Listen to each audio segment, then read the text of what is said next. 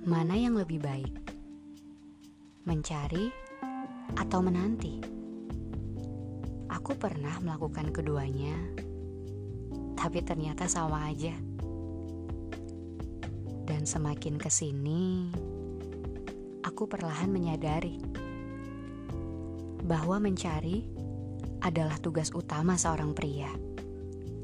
Akankah ia menemukan wanita yang menarik hati? Juga sebaliknya. Menanti adalah tugas utama seorang wanita. Akankah ia sabar menanti pujaan yang Tuhan kirimkan suatu hari nanti? Pada hakikatnya, mencari dan menanti di jalan yang baik akan mengarahkan kita pada titik temu yang indah. Karena sejatinya cinta adalah kombinasi antara mencari dan menanti. Keduanya berlaku sama, agar hal indah tercipta dengan melibatkan semesta di perjalanannya.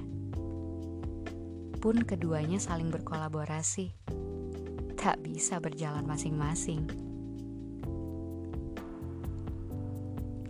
Dalam mencari, sikap menanti harus dimiliki memberi jeda pada hambatan yang terjadi untuk kemudian dipahami. Begitu pula dengan menanti. Tak henti dalam mencari peluang yang Tuhan berikan. Karena cinta tak begitu saja datang. Teruntuk siapa pun yang sedang mencari, pahamilah peluang yang ada dengan doa sebagai pelengkapnya.